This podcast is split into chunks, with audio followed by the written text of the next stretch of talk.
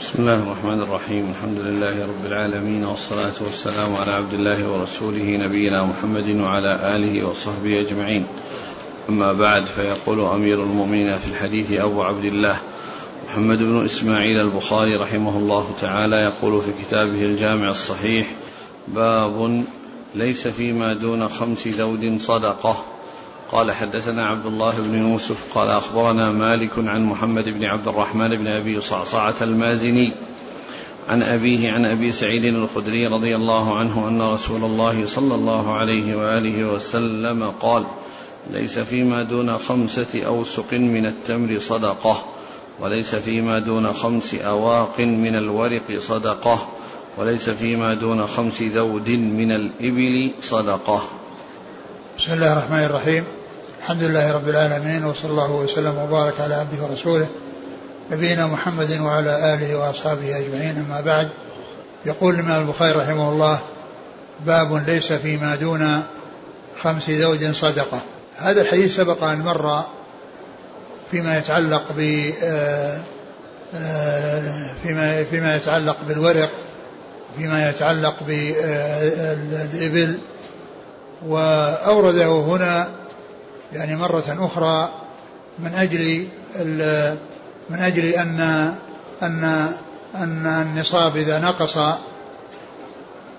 نصاب الإبل إذا نقص عن خمس وصارت أربعا فما دونها فإنه ليس فيها زكاة. فإنه ليس فيها زكاة وإنما الزكاة تبدأ من الخمس التي هي النصاب الأول الذي يخرج فيه من غير جنسه. الذي يخرج فيه من غير جنسه الذي هو الغنم الذي هو الغنم.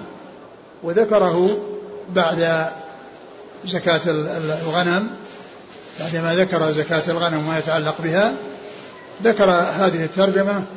قال الحافظ الحجر لعل إعادته إياها بعد زكاة الغنم من أجل أن ما كان آه، من خمس من من الإبل يكون فيه الغنم.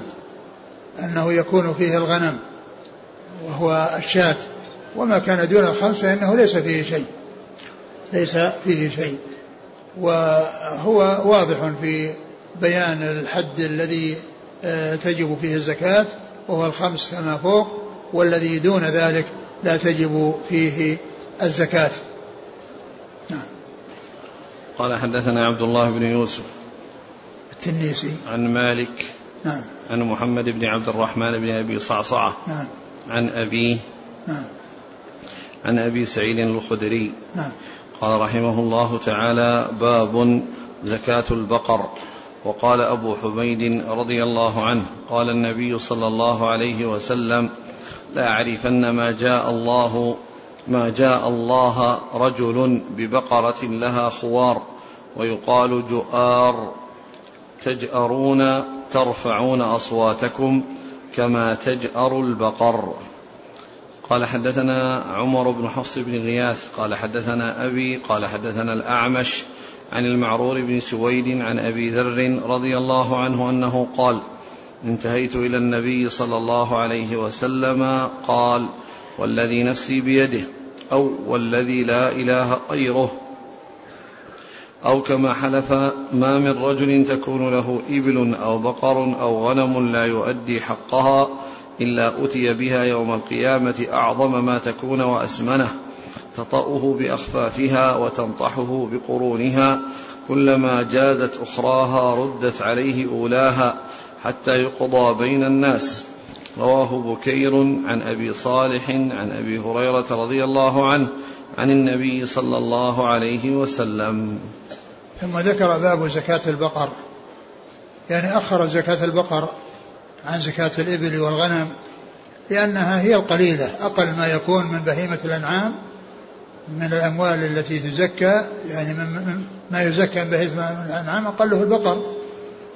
والغالب أن البقر لا يكون في الفلات وإنما يكون في الحضر. وإنما الغالب أنه يكون في الحضر وهو أقل استعمالا أو تمولا فيما يتعلق ببهيمة الأنعام لأن أكثرها الإبل والغنم أكثر ما يتمول بهيمة الأنعام ويعني يكون سائمة أكثر ذلك الإبل والغنم. وأما البقر فهي أقل من غيرها ولهذا أخرها أخرها عن ذكر الإبل والغنم. أخرها عن ذكر الإبل والغنم. وأورد بعض الأحاديث الدالة على وجوب الزكاة في البقر. ومنها هذا الحديث عن أبي ذر وعن أبي هريرة أن أنه ما من صاحب يعني آه، إبل ولا بقر ولا غنم إلا بطح لها يوم القيامة فتمر عليه تطأه بأخفافها وتنطحه بقرونها إذا مر عليه أولاها رد عليه آه، إذا جاز أولاها إذا جاز أولاها رد عليه أخراها.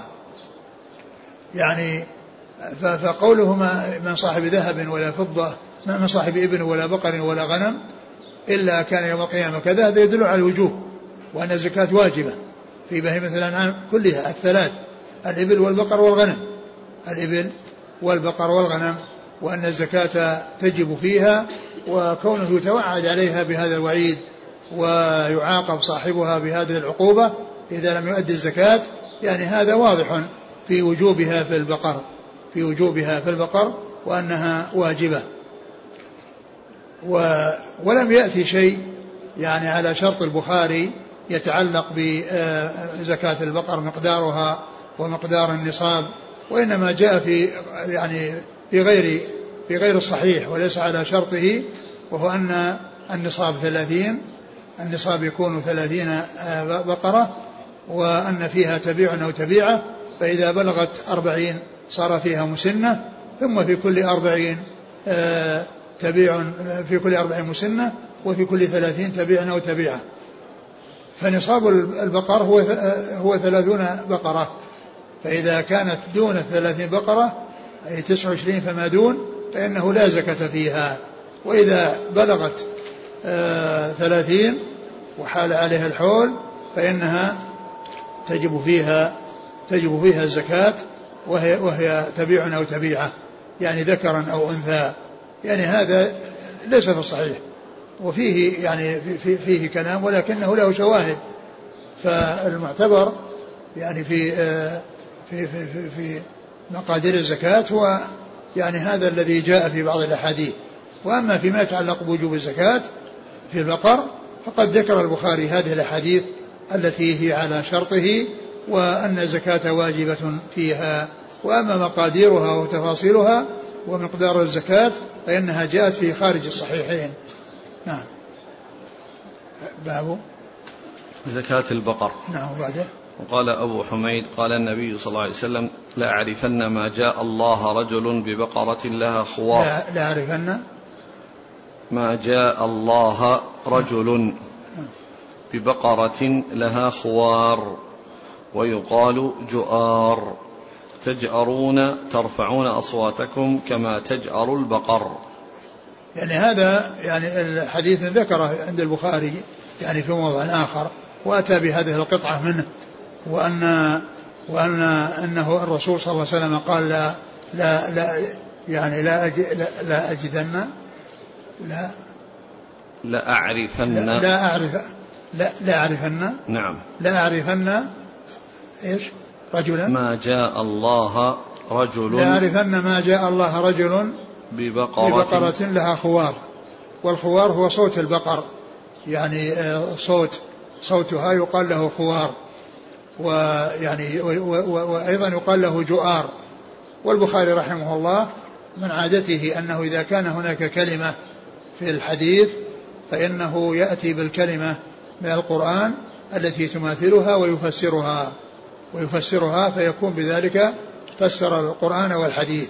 فيكون فسر بذلك فسر القرآن والحديث. قال تجأرون ت ترفعون أصواتكم. ترفعون أصواتكم. ترفعون أصواتكم. فالخوار والجؤار هو صوت البقر الذي يرتفع ويظهر.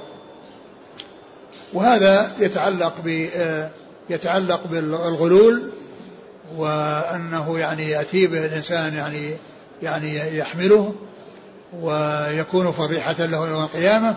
وأورده هنا من, من أجل أن أن إمكانية دخوله فيما يتعلق أيضا بالزكاة وأن وأن الإنسان إذا لم يؤدي زكاتها فإنه يفتضح يوم القيامة يعني بذلك. وقد جاء وقد أورد الحديث بعد هذا الذي فيه آه، حديث أبي ذر ومثله حديث أبي هريرة في هذا المعنى الذي آه، أنها آه، يبطح لها بقاع قرقر وأنها تمر عليه تطأه بخفافها وتنطح بقرونها أي بالنسبة للبقر والغنم. وإذا انتهت جاء من أولها إلى آخرها فإنها تعود من جديد بأن تبدأ الأولى التي كانت آه، انتهت أولا فترجع من جديد. و وجاء في بعض الأحاديث إذا مر عليه أولاها رد آه، رد عليه أخراها وفسر ذلك بأن آه، بأن بأنه إذا انتهت كلها من أولها إلى آخرها فإن الأخيرة تبدأ من جديد وترجع. وبهذه الطريقة يعني يكون العذاب مستمر. يعني لأن التي جاءت في الآخر بدأ بها حتى تأتي الأولى فتصير هي الآخر. وإذا كان على يعني ما هو مشهور وما جاء في إذا مر عليه أولاها إذا مر إذا مر عليه أخراها رد عليه أولاها فإن أن المقصود أنها تعود الأولى ويكون هناك مسافة يعني حتى تصل إلى إليه. أما إذا كانت ترجع التي في الآخر وتبدأ في الرجوع فإن العذاب يكون مستمرا. نعم. قال حدثنا عمر بن حفص بن غياث نعم. عن أبيه عن الأعمش عن المعرور بن سويد عن أبي ذر. نعم المعرور بن سويد هذا مخضرم. يعني ثقة مخضرم. والمخضرمون هم الذين أدركوا الجاهلية والإسلام ولم يلقوا النبي صلى الله عليه وسلم. ومن الأشياء اللطيفة في ترجمته التي ذكروها أنه بلغ 120 سنة وكان أسود شعر الرأس واللحية. بلغ 120 سنة وكان أسود شعر الرأس واللحية. وأبو ذر رضي الله عنه يعني آه، يحكي عن النبي صلى الله عليه وسلم أنه حلف أنه حلف ولكنه جازم في الحلف وغير متحقق من لفظ الحلف. يعني هو عارف بأن الرسول حلف ولكنه ليس متحققا ليس متحققا الحلف الحلف الذي حلف به الرسول صلى الله عليه وسلم. قال إيش؟ ثلاث إيش قال؟ انتهيت إلى النبي صلى الله عليه وسلم. قال والذي نفسي بيده أو والذي لا إله غيره أو كما حلف.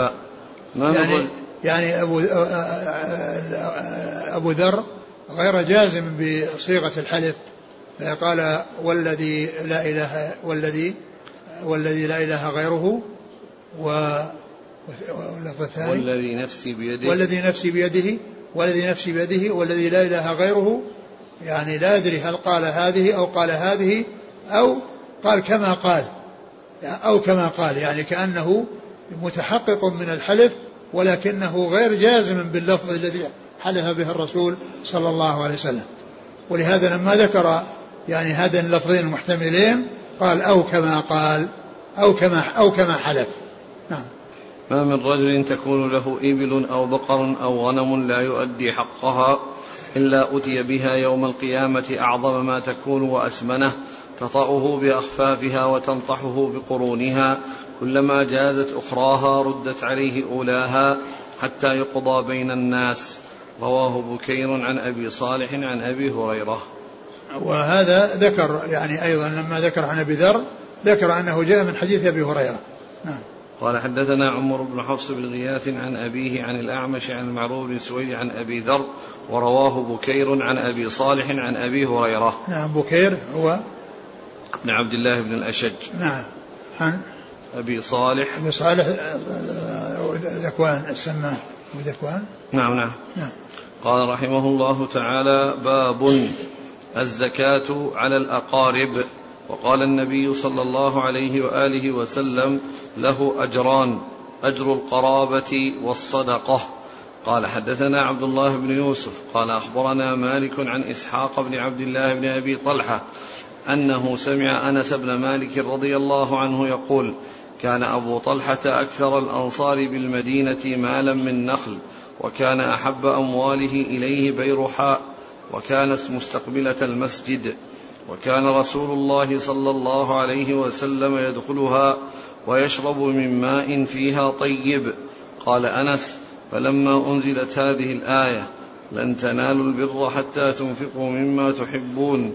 قام أبو طلحة إلى رسول الله صلى الله عليه وسلم فقال يا رسول الله إن الله تبارك وتعالى يقول لن تنالوا البر حتى تنفقوا مما تحبون وإن أحب أموالي إلي بيرحاء وإنها صدقة لله أرجو برها وذخرها عند الله فضعها يا رسول الله حيث أراك الله قال فقال رسول الله صلى الله عليه وآله وسلم بخ ذلك مال رابح ذلك مال رابح وقد سمعت ما قلت وإني أرى أن تجعلها في الأقربين.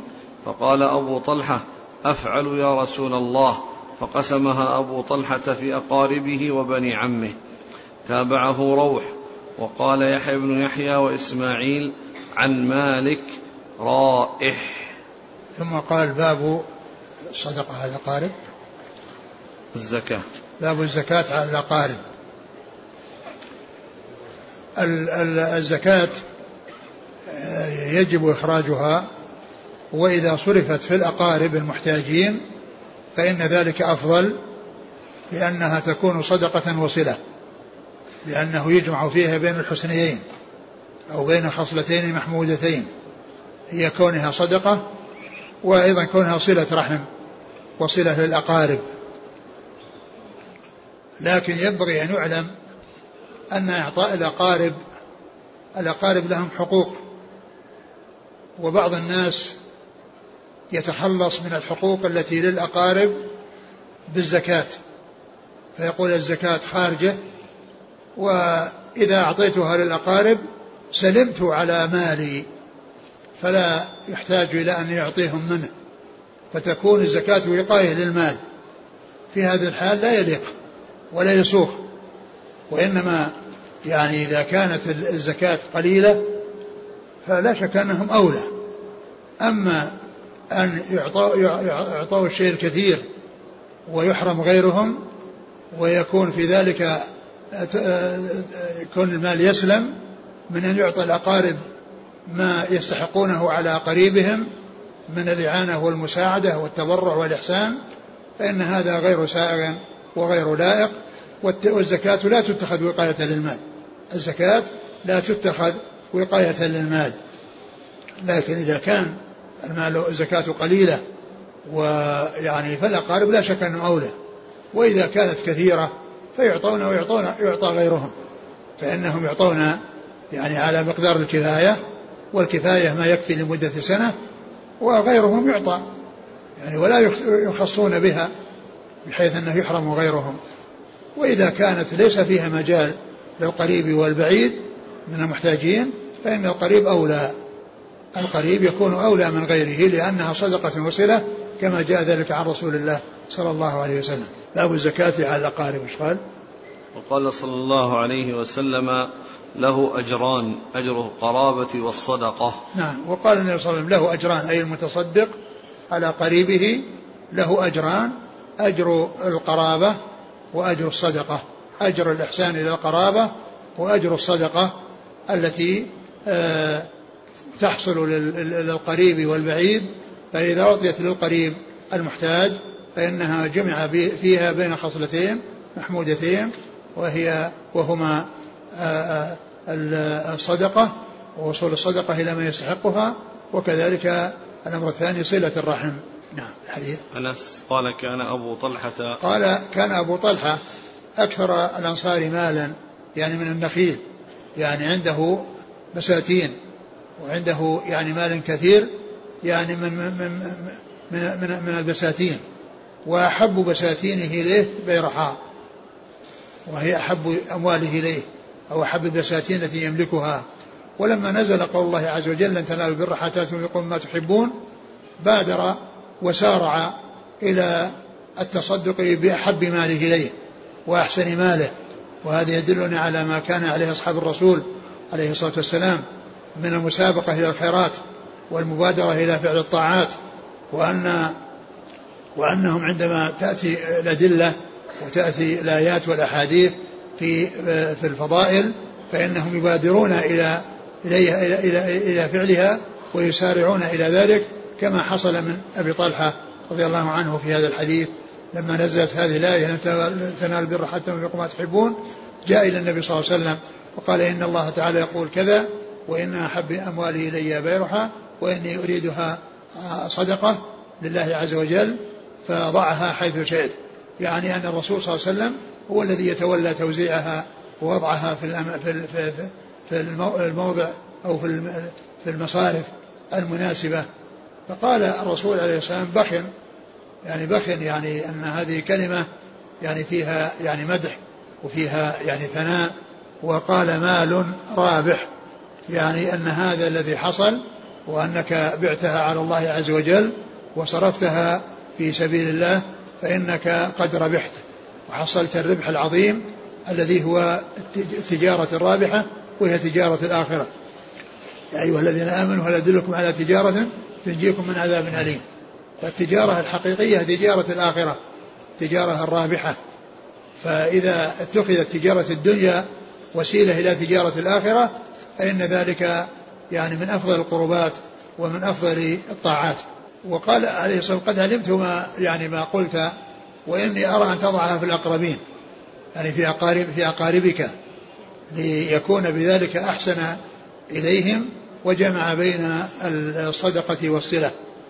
قال آه، آه، فقسمها أبو طلحة وجعلها على أقاربه المحتاجين وبني عمه يعني أنه وزعها على أقاربه تنفيذا لتوجيه الرسول الكريم صلى الله عليه وسلم وإرشاده إياه إلى أن يضعها في الأقربين.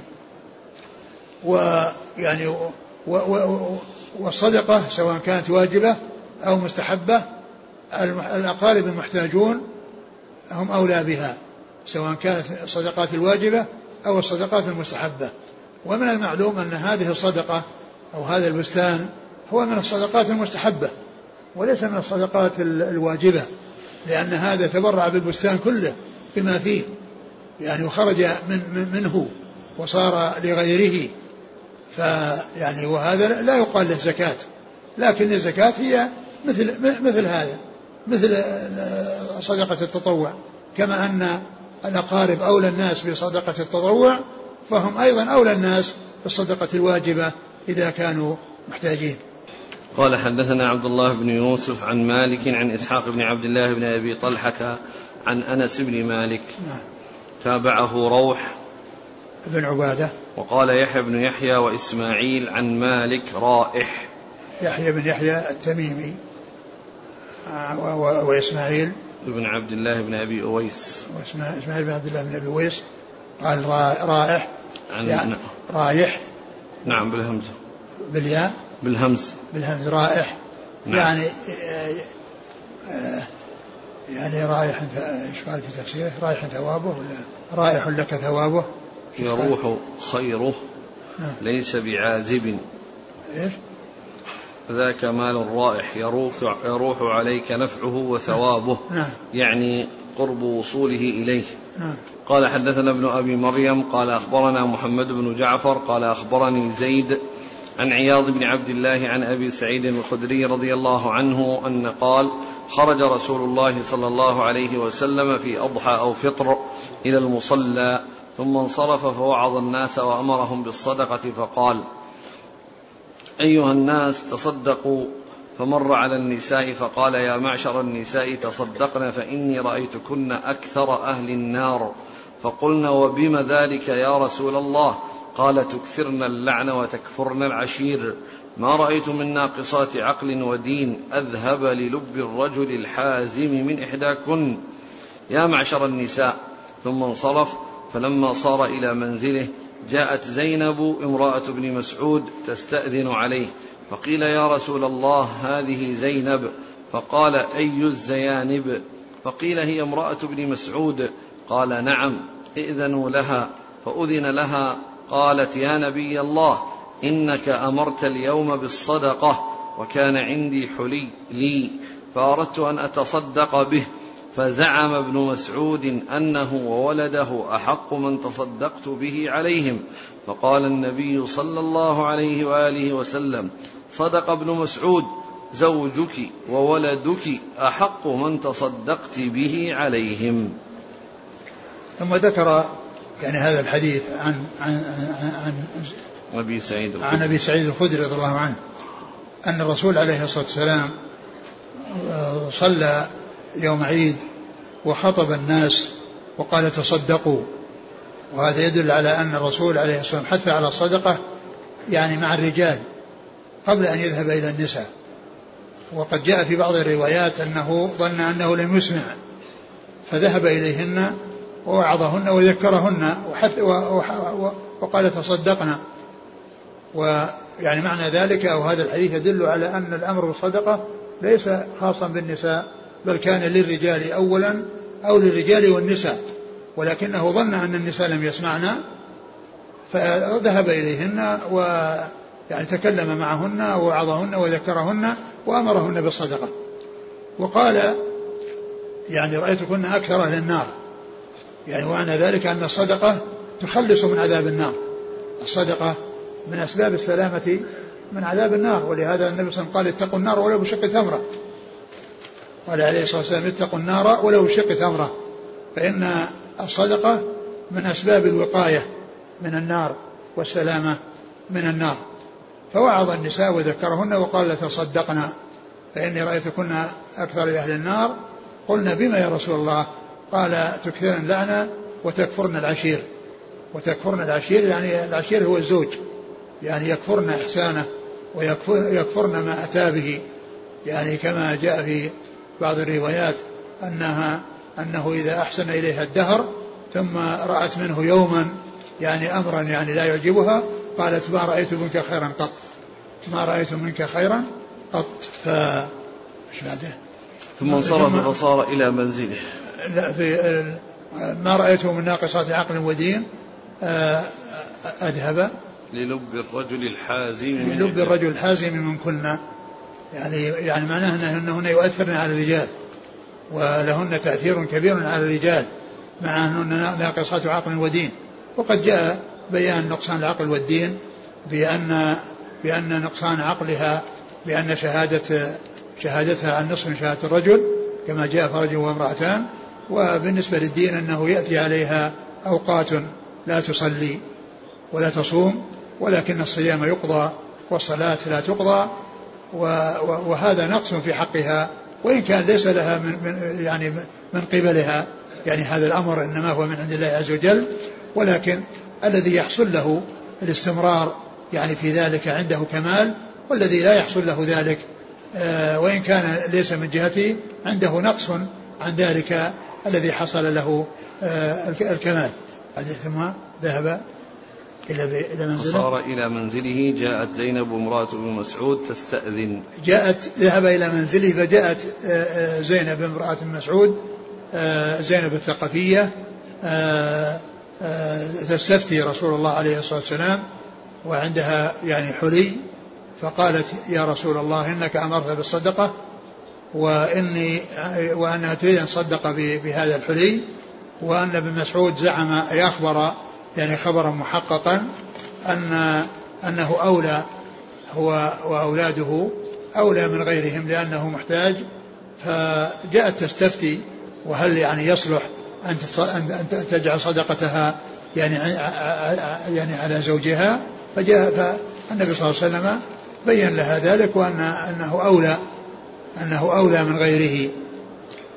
ومن المعلوم أن أن أن, أن إعطاء الزوج وهو محتاج وينفق عليها وعلى يعني أولادها أن أنها خرجت يعني عندما دخلت في ملكه و فإنها خرجت من كونها صدقة مثل ما مر بنا في قصة ال ال الهدية التي أهديت من من ممن يعني ممن هو فقير أو محتاج وثم أهداها لبيوت الرسول صلى الله عليه وسلم وأنها تحولت من كونها صدقة إلى كونها مال لهذا الذي وصل إليه.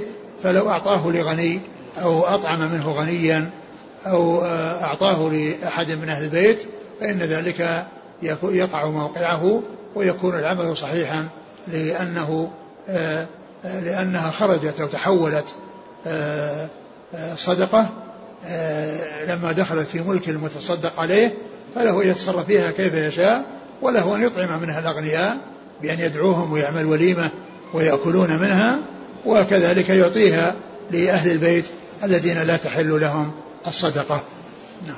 قال حدثنا ابن أبي مريم نعم. عن محمد بن جعفر هو ابن أبي كثير المدني نعم.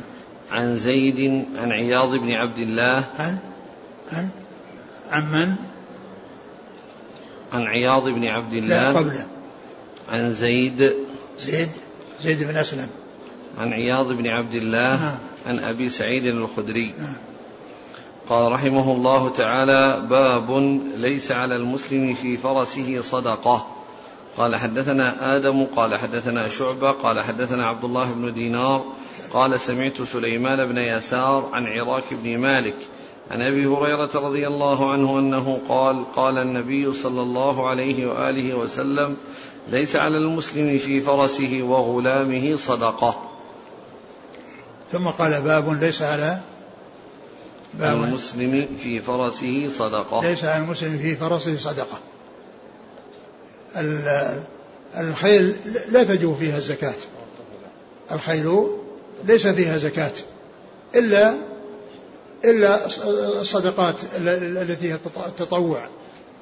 وإلا إذا كانت معدة للتجارة فإنها تزكى زكاة عروض التجارة.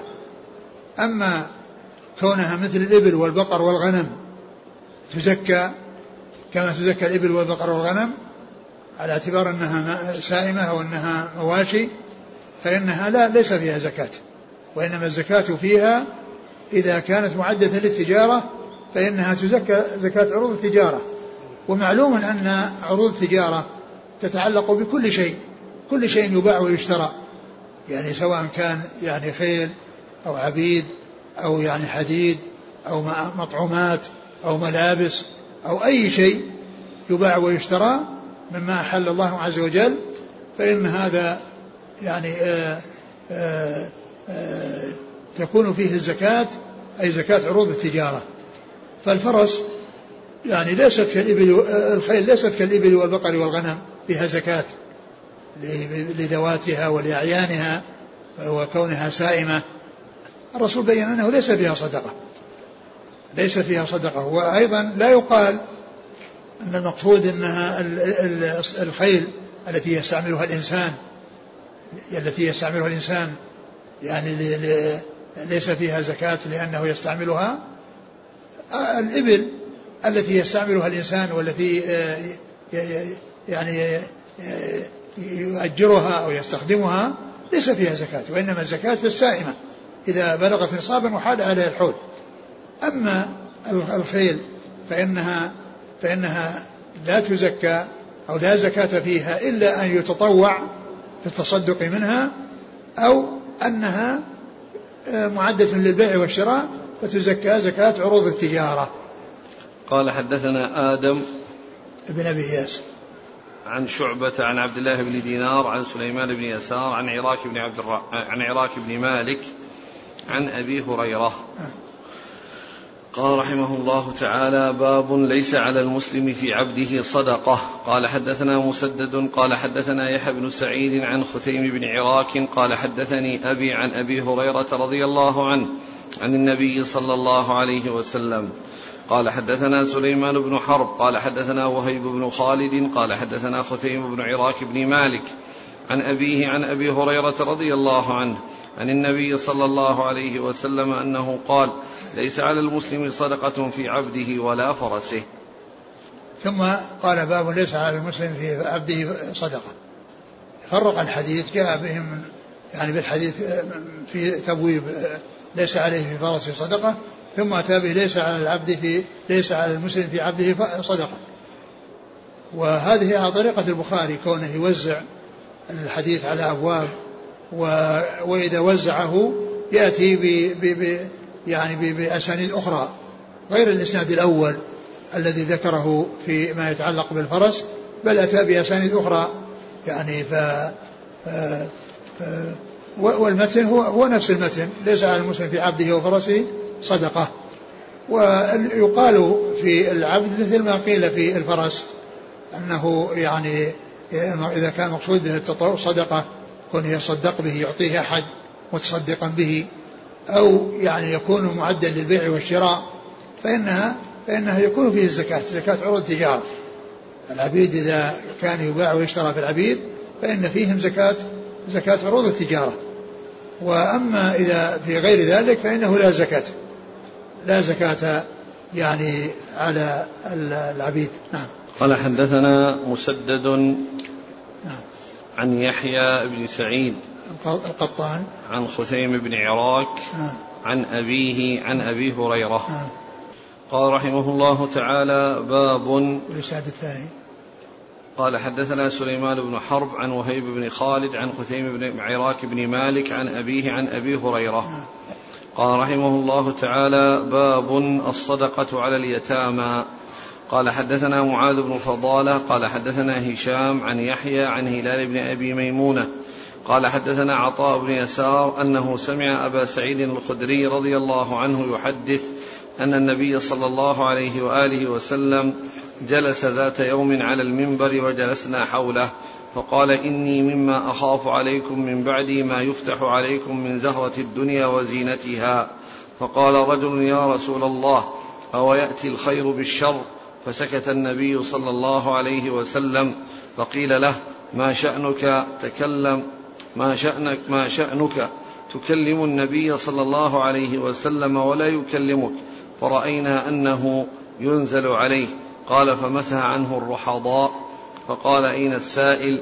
وكأنه حمده فقال إنه لا يأتي الخير بالشر وإن مما ينبت الربيع يقتل أو يلم إلا آكلة الخضراء. أكلت حتى إذا امتلأت خاصرتاها استقبلت عين الشمس فثلطت وبالت ورتعت وإن هذا المال خضرة حلوة.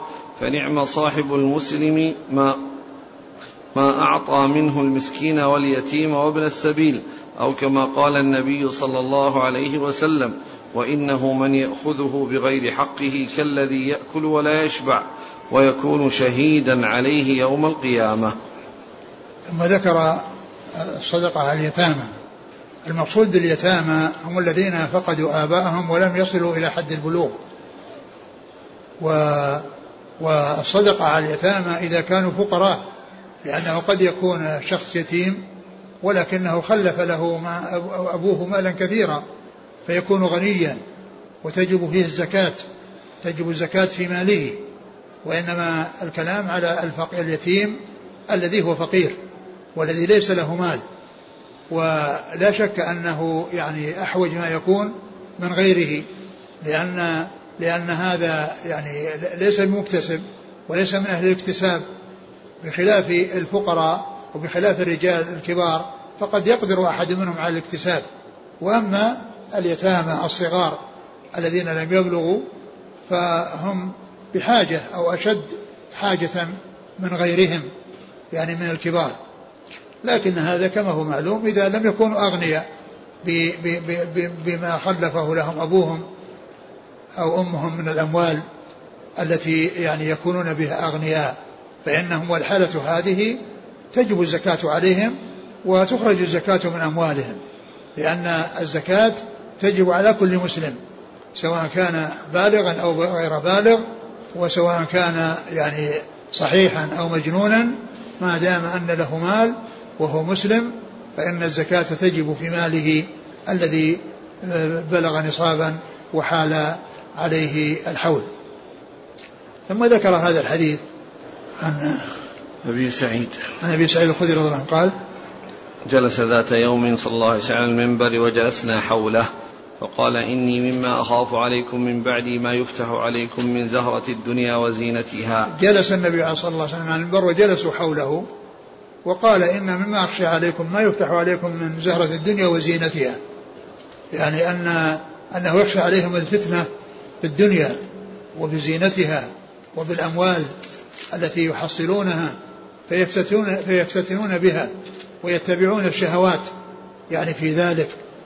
يتبعون الشهوات الدنيوية التي آه، آه، تحصل نتيجة لما يفتح عليهم من كثرة المال ومن من الدنيا وزهرتها وزينتها فيعني يحصل منهم الافتتان ويحصل منهم الترف بما أعطاهم الله عز وجل فيلحقهم الضرر بذلك لأنهم ما صرفوا النعمة التي أعطاهم الله إياها في موضعها وإنما أخلوا بما يجب عليهم وصرفوها في غير موضعها فكانت وبالا عليهم وكانت عقوبة لهم يوم القيامة. إن مما أخشى عليكم ما يفتح لكم من زهرة الدنيا وزينتها. فقال رجل يا رسول الله أو يأتي الخير بالشر؟ فقال رجل يا رسول الله ويأتي الخير بالشر؟ لأنها لأن هذا هذه النعمة وهذه هذا المال هذا المال الذي حصل والذي أعطاه الله هل يأتي بالشر؟ هل يأتي بالشر وأنه يعني يحصل منه شر؟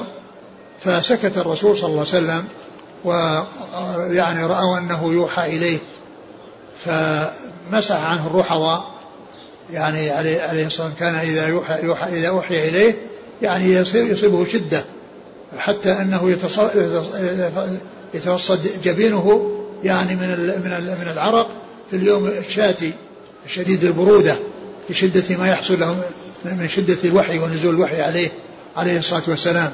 فيحصل له تأثر كبير وتأثر عظيم. فقال أين السائل؟ وكأنه حمده. يعني أنه يعني ما ما يريد أن يعنفه أو أنه يستحق التعنيف أو أن سؤاله. يعني آه، سؤال آه، ليس مما ينبغي أن يسأل عنه. قالوا فكأنه حمده أي أنه لم يرى يعني شيئا في سؤاله ولم يعتب عليه في سؤاله أو لن يعتب عليه في سؤاله. نعم. قال أو يأتي الخير بالشر فسكت صلى الله عليه وسلم فقيل له ما شأنك تكلم النبي صلى الله عليه وسلم ولا يكلمك؟ فرأيناه أنه ينزل عليه قال فمسح عنه الرحضاء. فقال أين السائل؟ وكأنه حمده. فقال إنه لا يأتي الخير بالشر وإن مما ينبت الربيع يقتل أو يلم إلا آكلة الخضراء.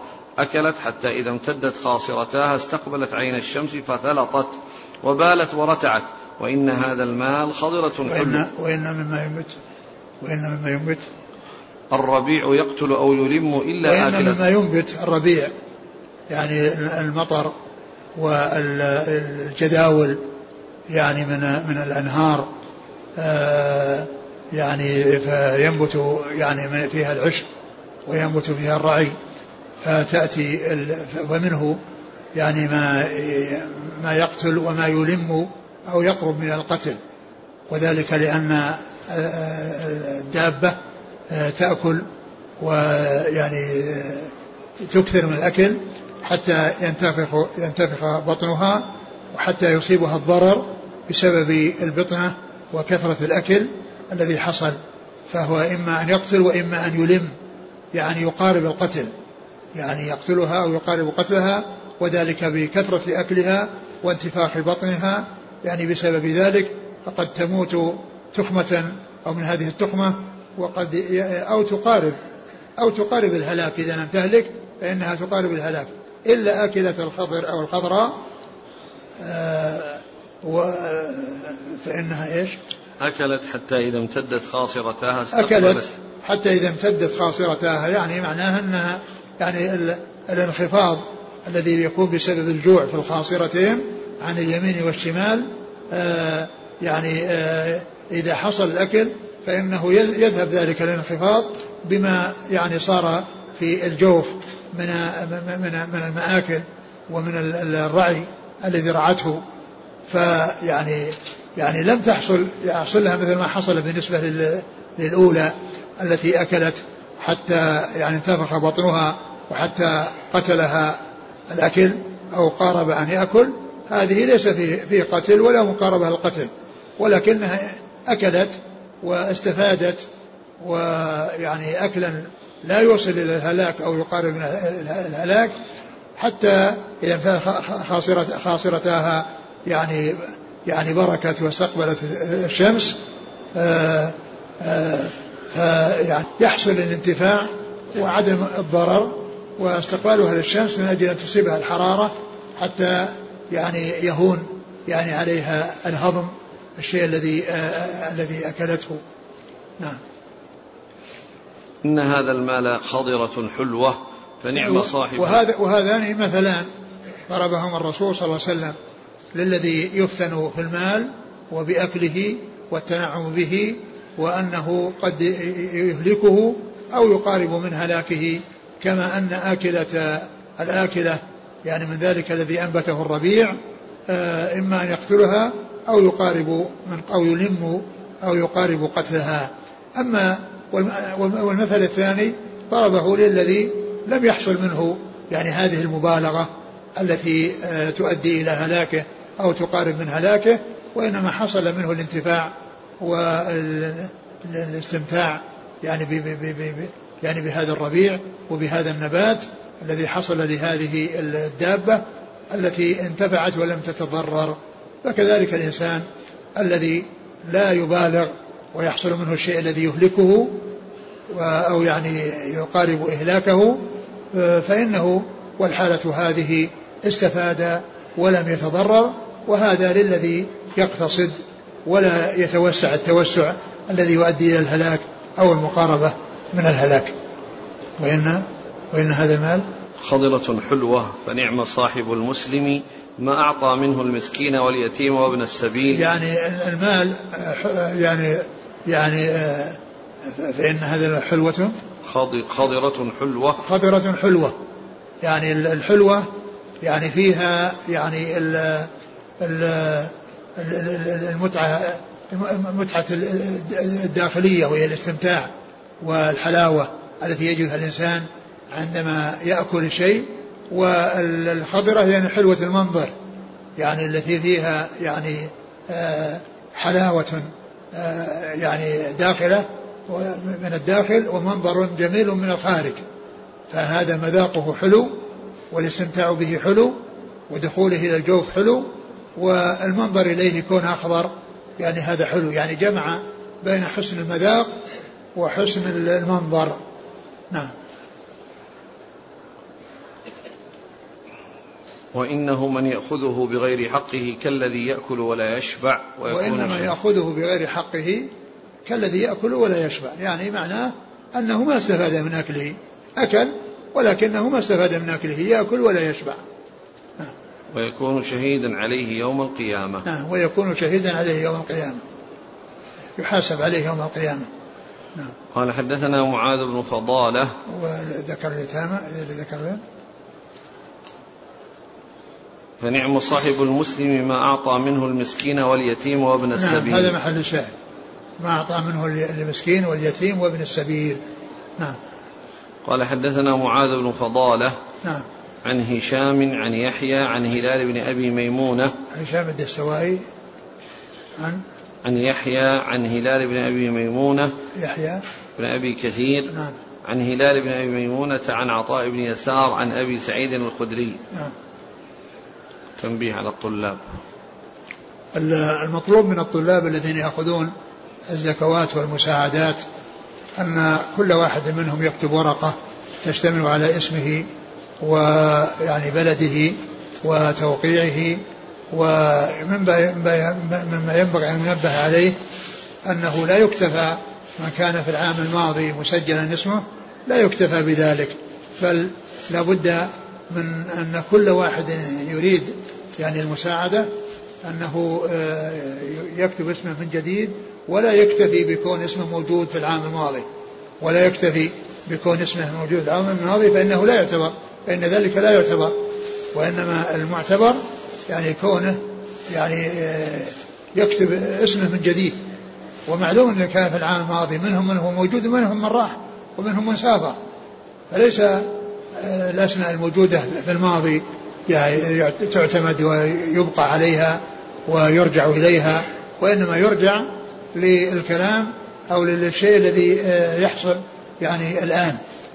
ف وكذلك الذين لا يستحقون الزكاة يكتبون أنه لا يريد يكتب أنه لا يريد الزكاة.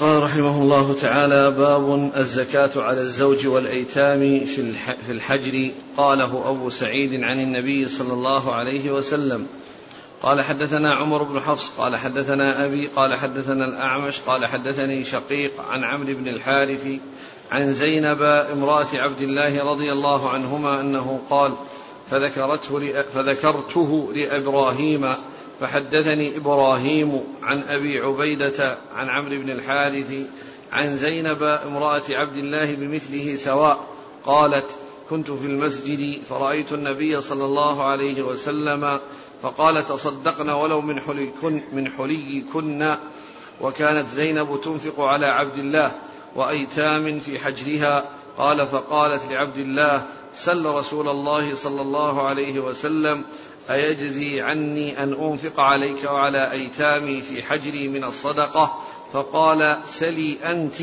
رسول الله صلى الله عليه وسلم. فانطلقت إلى النبي صلى الله عليه وسلم فوجدت امرأة من الأنصار على الباب حاجتها مثل حاجتي فمر علينا بلال فقلنا سل النبي صلى الله عليه وسلم. أيجزي عني أن أنفق على زوجي وأيتام لي في حجري؟ وقلنا لا تخبر بنا. فدخل فسأله فقال من هما؟ قال زينب. قال أي الزيانب؟ قال امرأة عبد الله. قال نعم لها أجران أجر القرابة وأجر الصدقة.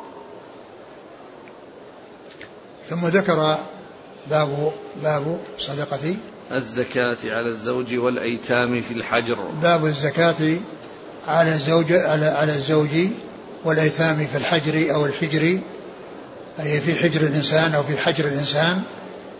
آآ آه، آآ ثم ذكر يعني حديث آه، آه، حديث قصة زينب امرأة مسعود التي مر ذكرها ولكنه أعاده أعادها هنا يعني للاستدلال يعني ب يعني ب به على الصدقة على الزوج وعلى الزكاة على الزوج.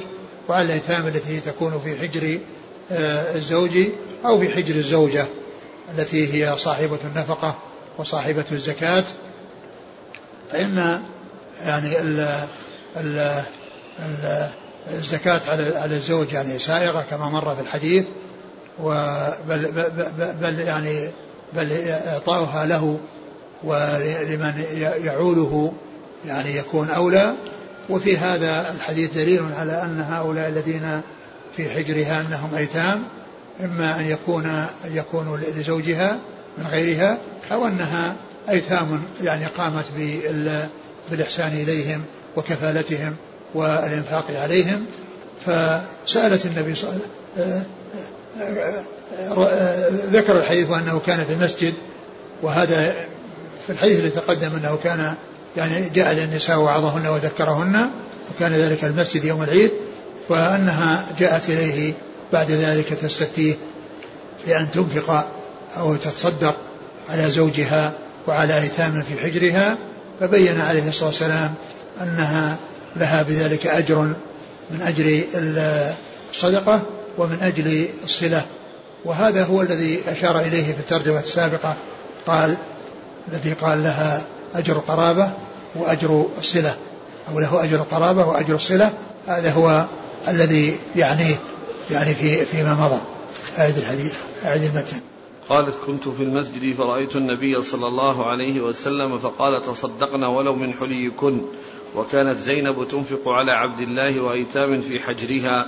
قال فقالت لعبد الله سل رسول الله صلى الله عليه وسلم أيجزي عني أن أنفق عليك وعلى أيتامي في حجري من الصدقة؟ فقال سلي أنت رسول الله صلى الله عليه وسلم. فانطلقت إلى النبي صلى الله عليه وسلم فوجدت امرأة من الأنصار على الباب حاجتها مثل حاجتي. فمر علينا بلال فقلنا سل النبي صلى الله عليه وسلم. أيجزي عني أن أنفق على زوجي وأيتام لي في حجري؟ وقلنا لا تخبر بنا. فدخل فسأله فقال من هما؟ قال زينب. قال أي الزيانب؟ قال امرأة عبد الله. قال نعم لها أجران أجر القرابة وأجر الصدقة. يعني هذا يعني مر قبل ذلك. نعم. قال حدثنا عمر بن حفص عن أبيه عن الأعمش. حدثنا عمر بن حفص. نعم. عن أبيه عن الأعمش عن شقيق. شقيق بن سلمة أبو وائل. عن عمرو بن الحارث عن زينب امرأة عبد الله. نعم. قال فذكرته لإبراهيم فحدثني إبراهيم عن أبي عبيدة عن عمرو بن الحارث عن زينب. والحديث وفي الإسناد ثلاثة من التابعين وهم الأعمش وإبراهيم النخعي وأبو عبيدة بن عبد الله بن مسعود. وفيه أيضا صحابة رواية من فيه؟ في الإسناد؟ عمرو بن الحارث الخزاعي عن زينب امرأة عبد الله. نعم يعني هذا صحابي عن صحابية. نعم. قال حدثنا عثمان بن أبي شيبة عن قال حدثنا عبدة عن هشام عن أبيه عن زينب ابنة أم سلمة قالت قلت يا رسول الله ألي اجران أن أنفق على بني أبي سلمة؟ إنما هم رجال الأول. ما قلت شقيق؟ شقيق ما قال بن سلمة؟ ها؟ الاسناد اللي ذهب الاسناد اللي قبل هذا. عمرو بن حفص عن أبيه عن الأعمش عن شقيق. عن شقيق بن سلمة. أي. وثاني قال فذكرته لإبراهيم فحدثني إبراهيم. عن أبي عبيدة. ذكرته لإبراهيم عن النخعي عن أبي عبيدة عبد الله مسعود عن عن زينب ما في عن, عن أبي عبيدة عن عمرو بن الحارث عن زينب. نعم. اللي بعده. نعم. قال حدثنا عثمان بن أبي شيبة قال حدثنا عبدة عن هشام عن أبيه عن زينب ابنه أم سلمة قالت قلت يا رسول الله ألي, أجر ألي أجر أن أنفق على بني أبي سلمة؟ إنما هم بني. فقال أنفقي عليهم فلك أجر ما أنفقت عليهم. ثم ذكر حديث أم سلمة وهو مثل ما جاء في قصة امرأة مسعود هل لي أجر أن أنفق على أبناء أبي سلمة. نعم. نعم. وهم أبنائي. إنما هم بني إنما هم بني إيش بعده؟ فقال أنفقي عليهم فلك أجر ما أنفقت عليهم. قال أنفقي عليهم فلك فلك أجر ما أنفقت عليهم. يعني أولاد يعني أولاد أبي سلمة. يعني المقصود يعني الإنفاق على أولاد أبي سلمة. سلمة يعني من غيرها. نعم. قال حدثنا عثمان بن أبي شيبة عن عبدة عبدة بن سليمان. عن هشام عن أبيه عن زينب نعم. زينب بنت ابنة أم سلمة. بنت أبي سلمة. ابنة أبي سلمة ربيبة الرسول صلى الله عليه وسلم. قالت قلت يا رسول الله ألي أجر أن أنفق على بني أبي سلمة؟ نعم. هو الكلام لها أو لأمها؟ ها؟ الكلام لها أو لأمها. إيش لفظ الحديث؟ عن زينب ابنة أم سلمة أنها قالت قلت يا رسول الله ألي أجر أن أنفق على بني أبي سلمة؟ إنما هم بني. هذا كلام الأم. في بعض النسخ عن أم سلمة. عن زينب ابنة أم سلمة عن أم سلمة باب قول الله تعالى وفي الرقاب والله تعالى أعلم وصلى الله وسلم وبارك على نبينا رسول نبينا محمد وعلى آله وأصحابه أجمعين. جزاكم الله خيرا وبارك الله فيكم ألهمكم الله الصواب وفقكم للحق شفاكم الله وعافاكم ونفعنا الله بما سمعنا غفر الله لنا ولكم وللمسلمين أجمعين آمين. في حديث آه، زينب. قالت كنت في المسجد فرأيت النبي صلى الله عليه وسلم فقال تصدقنا ولو من حليكم. كان في المسجد يعني لما جاء إلى النساء. كما مر في الحديث السابق جاء إلى النساء فوعظهن. يعني في المسجد يعني حيث جاء إليهن وعظهن. بعدما انتهى من خطبة العيد وجاء إلى النساء فذكرهن. وظن أنه لم يسمعهن أو رأى أنه لم يسمعهن فذهب ووعظهن وأمرهن بالصدقة. كلمة المسجد. المسجد.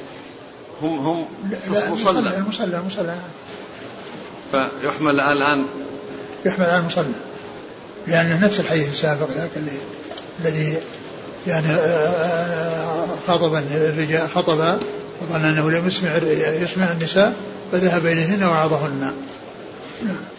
يقول تأتيني أموال زكاة وصدقة فهل أعطي أقاربي إن كانوا مستحقين لذلك أم أوزعها على غيرهم؟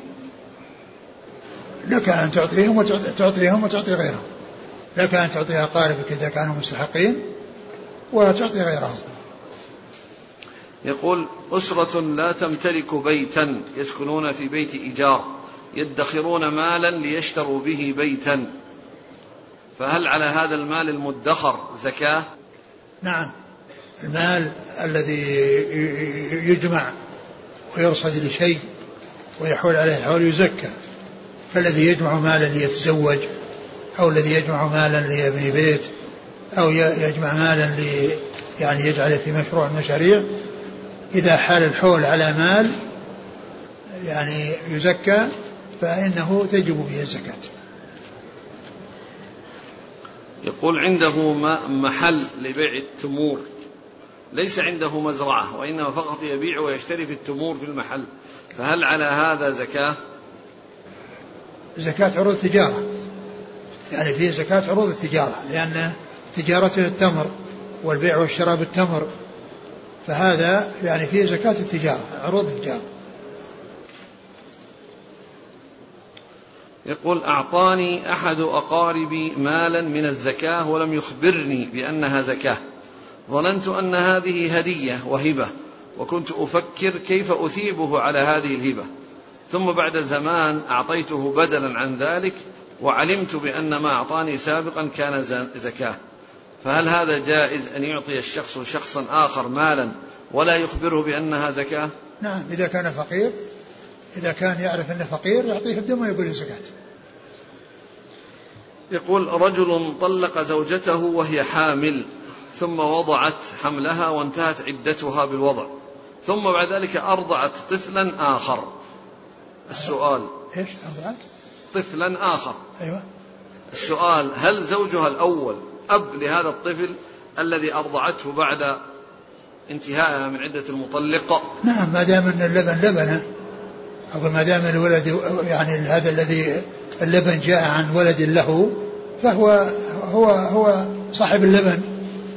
وهو, وهو يعني صاحب الفحل صاحب اللبن. فيصير يعني ولد له من الرضاعة. جزاكم الله خيرا. سبحانك اللهم وبحمدك نشهد أن لا إله إلا أنت نستغفرك ونتوب إليك.